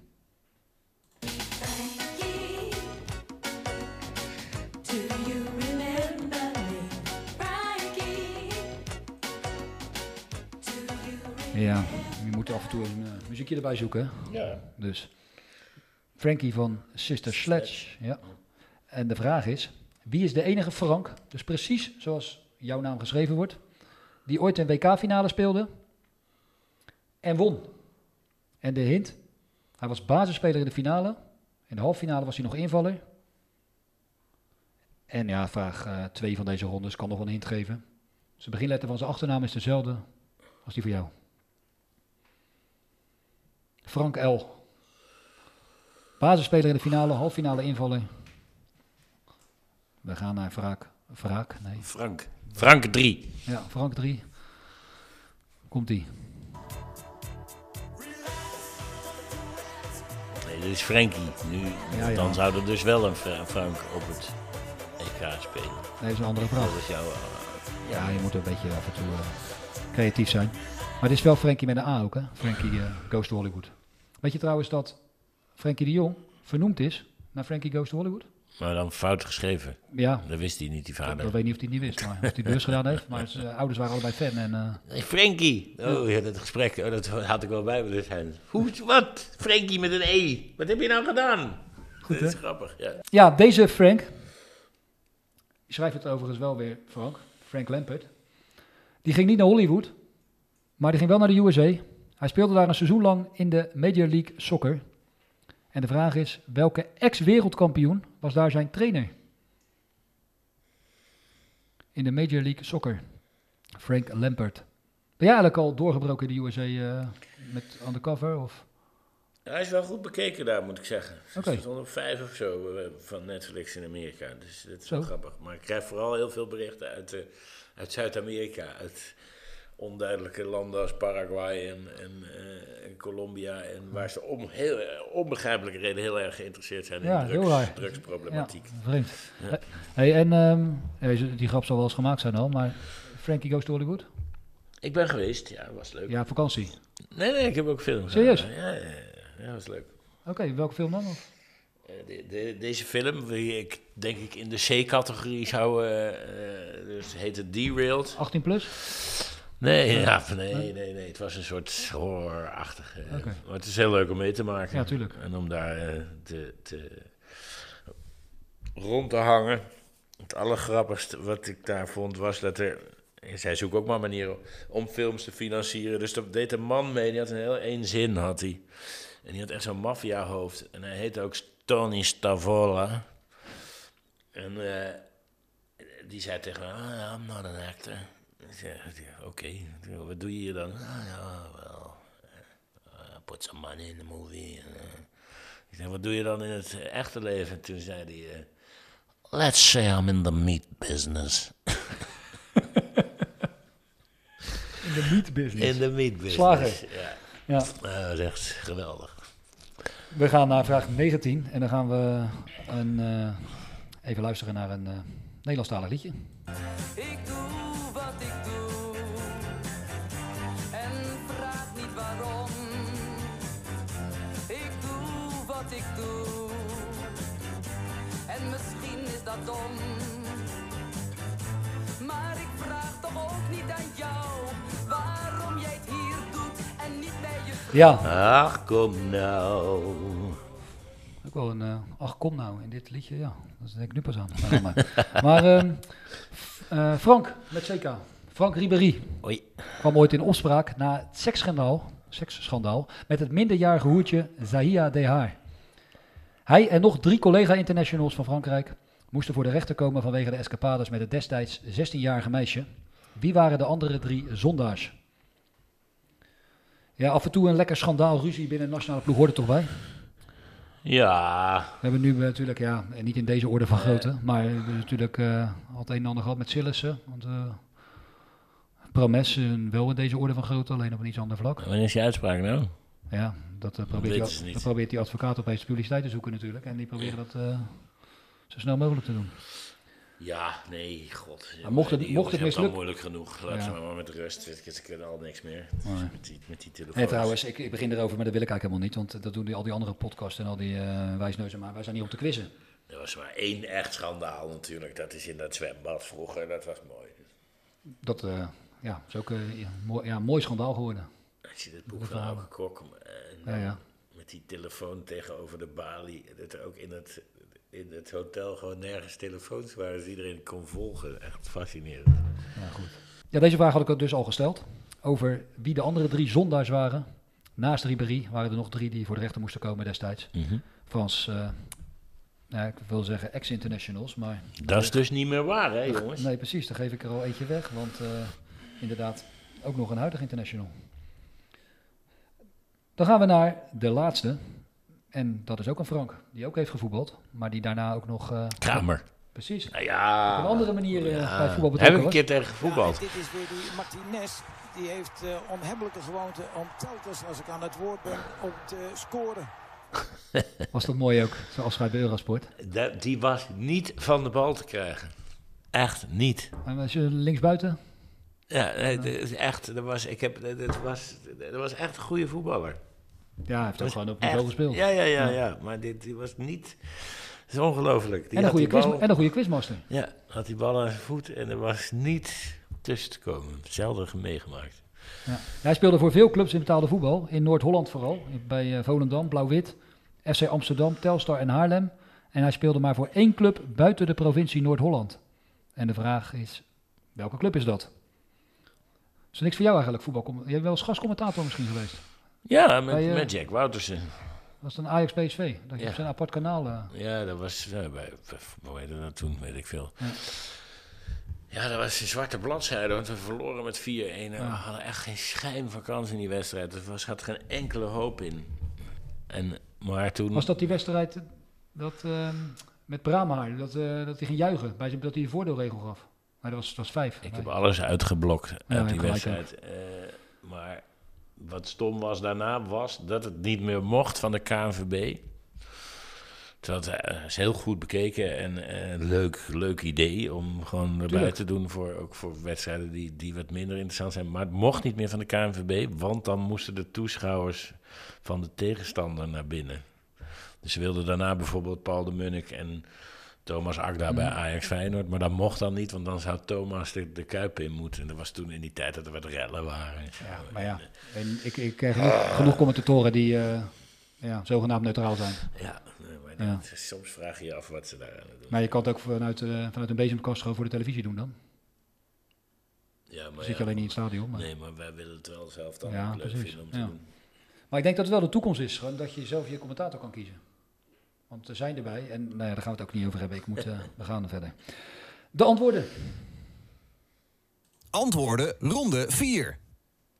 De eerste vraag ging over de spelers die debuteerden onder Rijkaard en die meer dan 50 interland speelden. Ik eh, heb geen flauw idee. Jawel, een- eentje is volgens mij een goede vriend van jou, eh, begreep ik. Ja, dan weet je nog steeds niet over wie het gaat. Bij PSV? Meer dan 50 interlands? Philip. André Ooyer. Oh, Ooyer. Heeft hij meer dan 50 interlands Ja. gespeeld? Dat is wel heel veel voor zijn Ja. kwaliteit. En weet je het mooie ook aan zijn interlandcarrière is? Eh. Hij begon het eerste interland tegen Brazilië. Ja. Dat was eh, zo'n eh, oefentrip ergens daar. Ja. Zijn tweede was trouwens ook tegen Brazilië, want speelde gewoon twee keer. Toen kreeg hij rode kaart. Ja. En zijn laatste was natuurlijk Tegen Brazilië. tegen Brazilië. Dat was de wedstrijd. Ja. Dat is zo uniek om je carrière af te sluiten. Je interlandcarrière. Nou ja, hij zit weer in de staf bij ons. Dus, Ja. ja, goede kerel.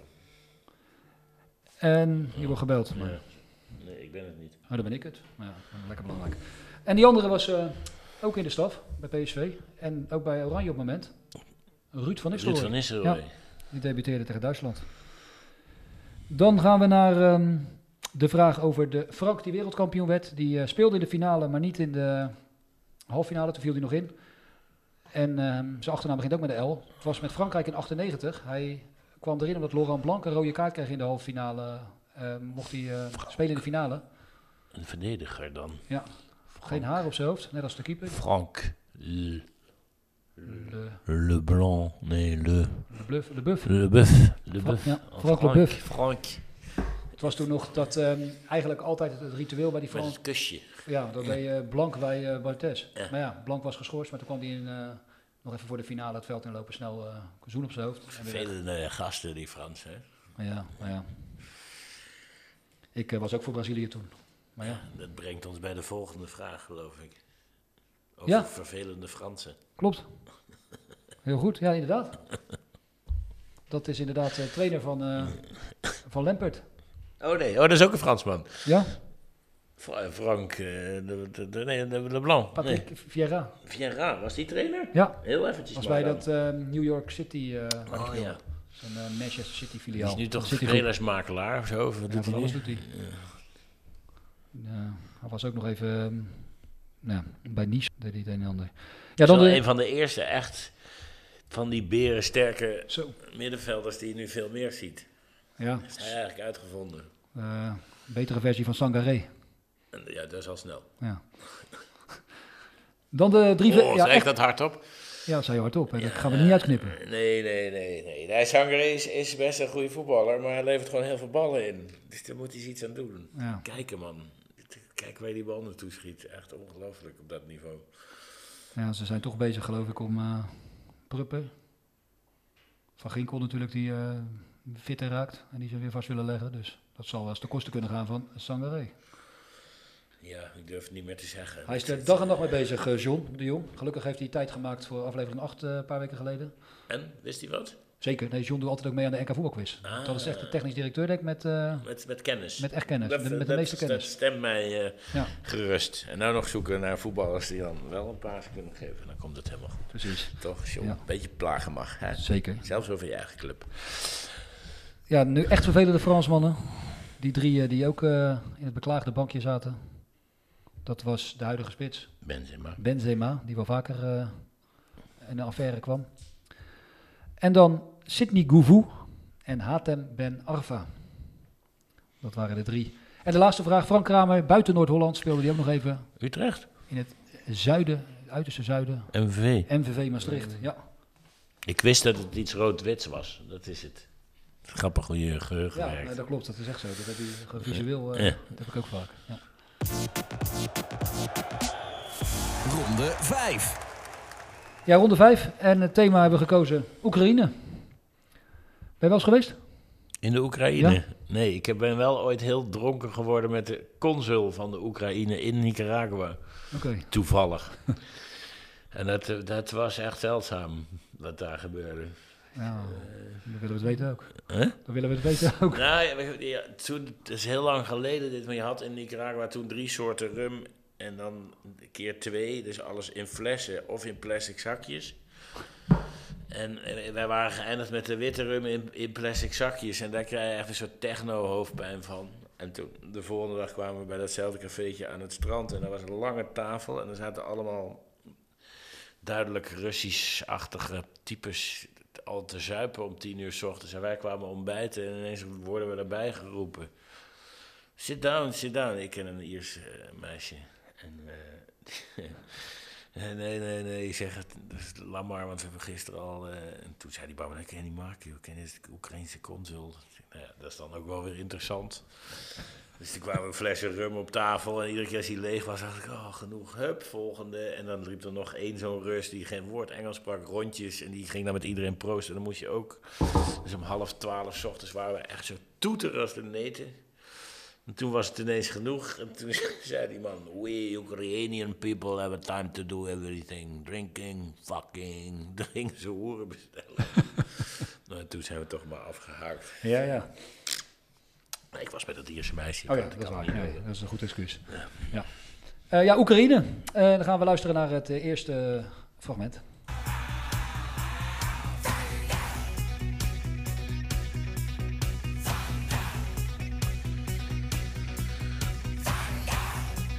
Ja, ik had ook het donder en het bliksem van eh Guus Meeuwis kunnen instarten. Maar het gaat over het EK 2012 in Oekraïne en Polen. Daar werd een wedstrijd van Oekraïne al na vier minuten gestaakt. Echt enorm noodweer. En pas na een uur werd er verder gespeeld. Björn Kuipers, scheidsrechter. Tegen welk land speelde Oekraïne die wedstrijd? was echt eh, ja, het ergste noodweer in de geschiedenis van het Europese kampioenschap. Oh, oh, oh. Of van het Europees kampioenschap.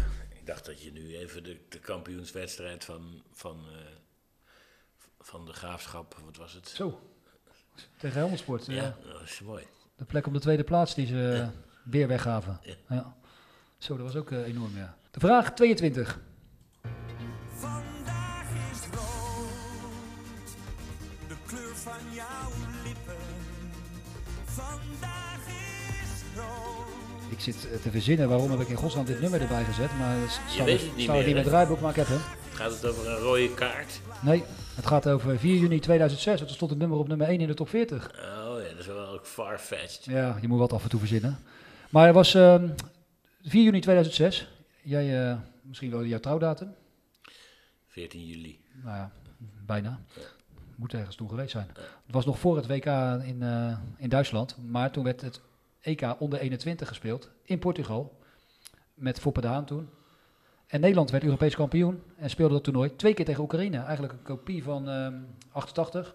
Nederland speelde toen natuurlijk ook de eerste wedstrijd. Ja, eh, Sovjet-Unie. Overigens met alleen maar spelers bijna uit Oekraïne toen. En de finale weer. Nou, Nederland speelde met Jong Oranje toen. Eerste wedstrijd tegen Oekraïne in de pool. En in de finale kwamen ze weer tegen Oekraïne. Eerste wedstrijd verloren ze. Finale wonnen ze. De vraag is, wie was nou de aanvoerder van Oranje dat toernooi? In, de, of, eh, in Portugal tegen Oekraïne. Jong Oranje En hij speelde later voor PSV. En hij is al een keer voorbij gekomen deze quiz. Ook dat nog. Ja. Hij heeft ook nog het Nederlands elftal gehaald. Ja. En hij was op het WK 2010 erbij, maar speelde geen minuut. Aanvoerder van Jong Oranje in 2006. Ja, dat is, een beetje- dat is een beetje net als met Dani de Wit, zeg maar. Die zien we ook nooit meer terug. Nee, maar deze was nog wel... eh, deze hebben we nog teruggezien in Oranje, alleen eh, ja, niet in de grote wedstrijden. Dan gaan we zo bij het antwoord. Ik mag toch het antwoord niet geven. Nee, daarom. Klopt. Ehm, de volgende.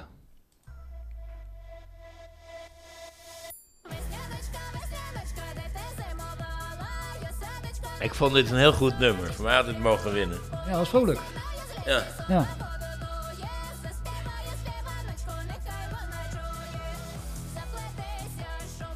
Met een enorme tempoversnelling opeens. Dat doen we ook aan het, eh, aan het Oekraïne van, eh, of tenminste, het uh, Sovjet-Unie van Lobanovsky denken. Gewoon in één keer die enorme omschakeling. Ja. Ja, dit was uh, Shoem, inderdaad, uh, de Songfestival uh, inzending. Wat werden ze uiteindelijk? Ik weet het niet. Nou, sorry, maar Ja, ja, ik, weet al, ik weet al blijkbaar niks van voetbal. En Nee, nu eh, Ik ook niet. eh, moet ik dan gaan zeggen hoe. Ja, jij zegt net dat je het een goed, goed nummer eh, vond. Maar, maar in ieder geval, dit was de Songfestival inzending van Oekraïne. Dus eh, ja, dat is de link naar Oekraïne. 18 van de 26 spelers uit de huidige selectie van Oekraïne. Die speelden in de competitie van Oekraïne, de Favbet Liga. Maar welke competitie leverde na de eigen competitie de meeste spelers aan de selectie van Shevchenko? Dus 18 van de 26 kwamen uit Oekraïne. Maar welke andere competitie in Europa leverde de meeste spelers na dus die eigen competitie aan de selectie van Oekraïne? Dan vraag 24, de ene laatste. Hey yo, Er staat echt de nummer. straat, Dundee. Free my nigga, Shevchenko, Shevchenko. Roll alleen met mannen op tempo. Luister naar mijn flow met mijn beat slow. Shevchenko, roll alleen met mannen Nou, je hoeft maar Shevchenko in te tikken op Spotify en eh, ze bestaan. Ja, dit, ja, goed, het rijmt. En ook dat. Ja, bondscoach Shevchenko. Hij won in 2003 de Champions League met AC Milan. Hij benutte de eh, beslissende strafschop tegen Juventus. In 2005 verloor hij de finale met strafschoppen van Liverpool en miste hij de beslissende strafschop. Welke ploeggenoot van Shevchenko, dus bij AC Milan in 2003 en 2005, die deed hetzelfde. Dus die benutte tegen Juventus, maar miste tegen Liverpool. Scoren in 2003 en missen in 2005. Hij nam beide keren de eerste strafschop voor AC Milan. Wie was dat? En dan de laatste vraag.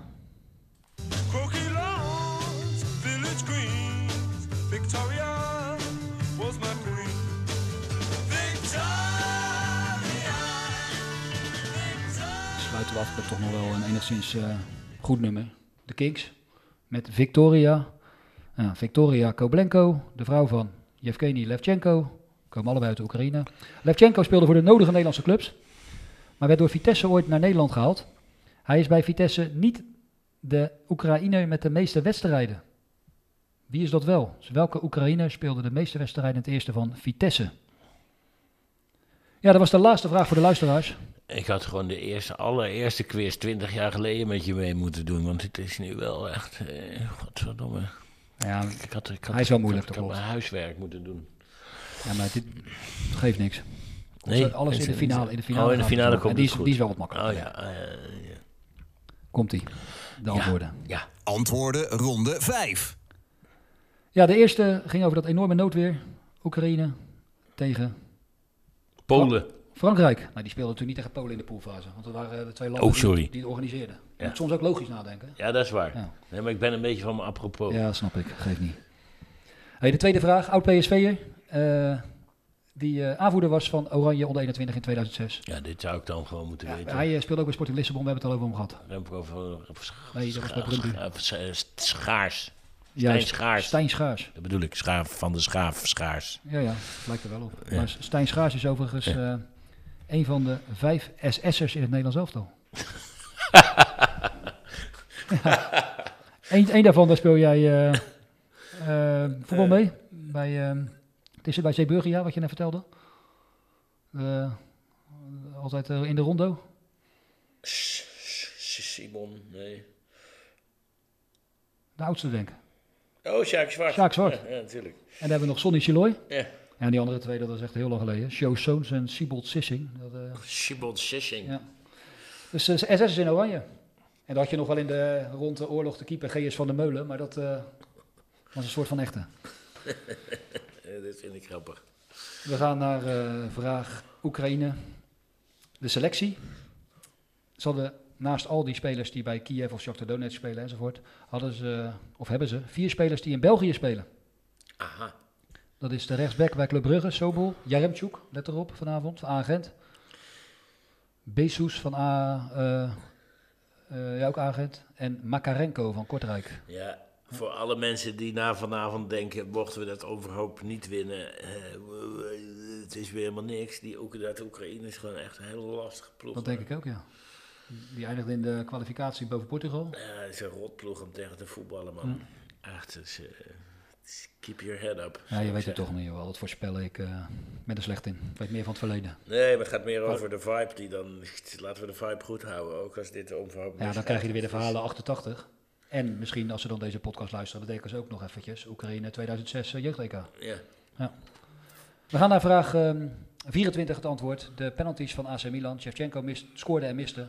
Maar wie dat ook deed was de Braziliaan Serginho, de linksboot.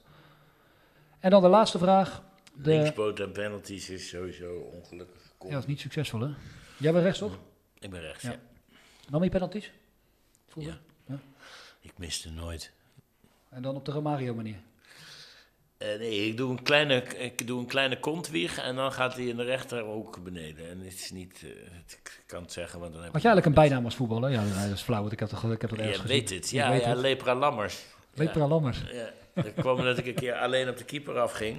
En toen, uh, we stonden al voor, dus konden we wel een frivoliteitje veroorloven, dacht ik. Dus ik wilde een hele ingewikkelde beweging maken om die keeper uit te spelen. En toen struikelde ik over de bal. En de scheids trapte er niet in?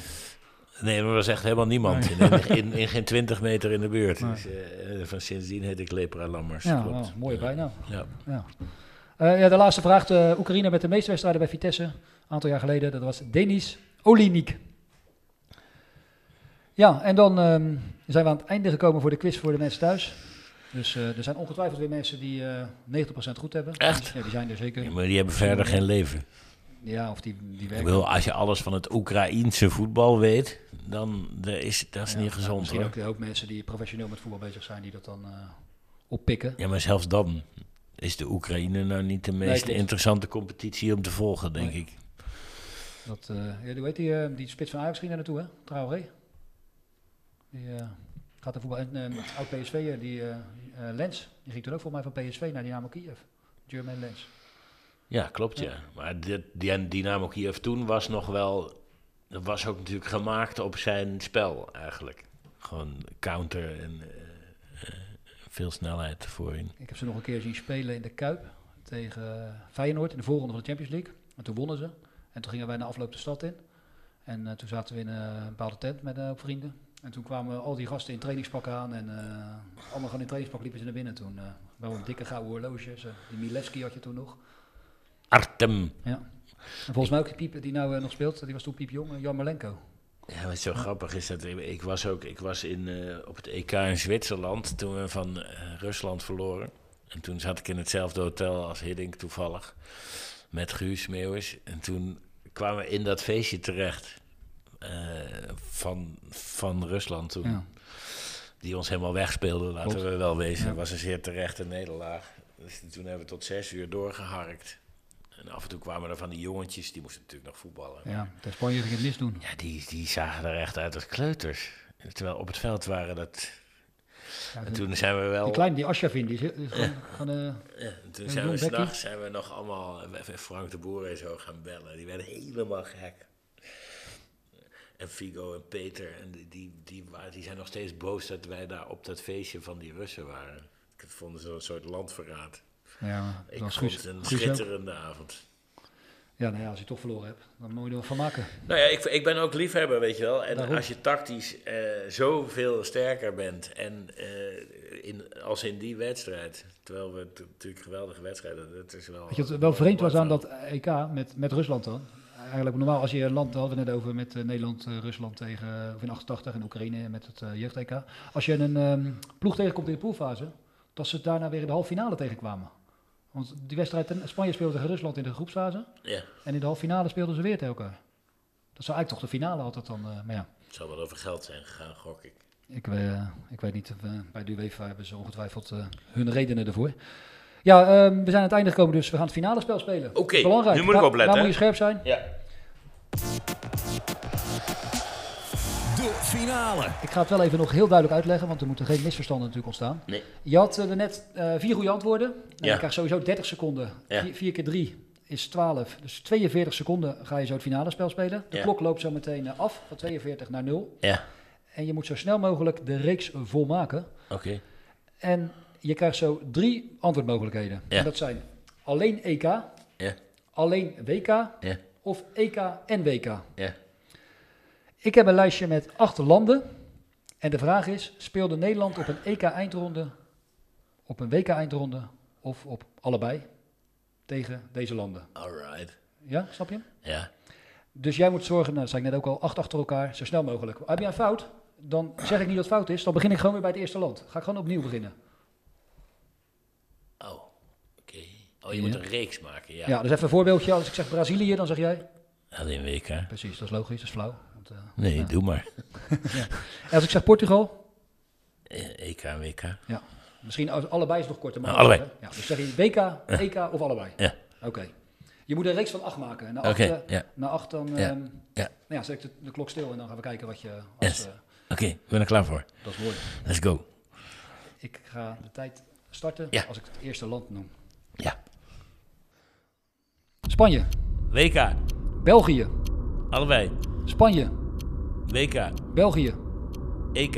Spanje, WK. België. EK. Nee, dat zei je al. Oh, dat zei ik al. Spanje, WK. WK. België. WK. Frankrijk, Allebei. Spanje, WK. België, WK. Frankrijk, EK. Tsjechoslowakije, Allebei. Schotland, Eh, EK. Spanje, Kut. WK. België, WK. Frankrijk, EK. Tsjechoslowakije. E- WK. Ja, we moeten overnieuw beginnen, maar de tijd die... eh, Is op. Ik heb op. het slecht gedaan. Ja. Het is niet erg. Nee, het is niet echt. Het is ook een kutspel. Het is, eh, Ja. ja. Maar tegen Spanje, dat vergeten ook mensen, maar speelt Nederland alleen ja, twee keer op een WK. Dat is ook gek. Ja. 2010, nou ja, daar hebben we het niet over. 2014, nooit op een EK. België, ook nooit op een EK. Dus alleen op... eh, Dat vind ik ook gek. ja, is ook gek. 94 en 98. Ja. Frankrijk, alleen op een EK. In eh 2000, 2008. En 2096 nog trouwens. Maar nooit op een WK. Ja. Tsjechoslowakije was een moeilijke wel, allebei. Omdat ze tegen Tsjechoslowakije natuurlijk heel veel op het EK speelden. Ja. Maar ook nog tijdens het WK in 1938.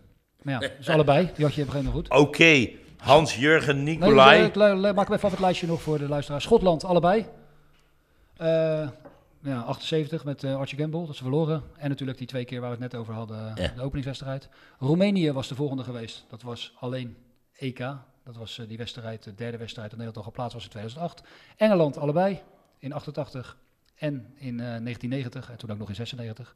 En Letland was de laatste geweest. Nou ja, die was eh, dan wel makkelijk geweest als je zover was EK. Was EK, ja, in Portugal. Maar ja, Ik Ja, heb ooit met een schot over, over Nederland-Schotland uit eh, 78 zitten praten.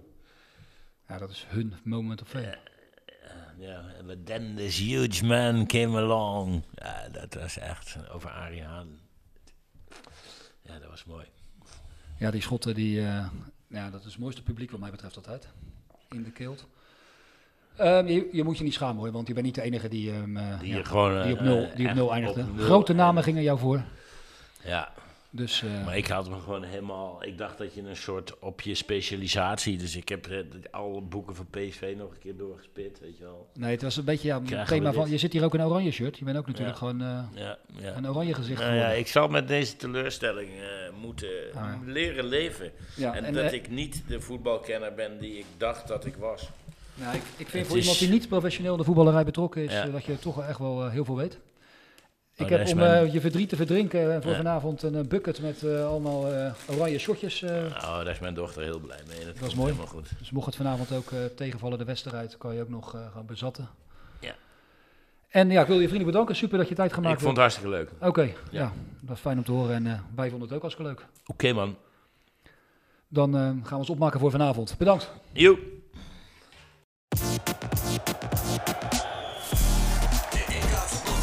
Podcast.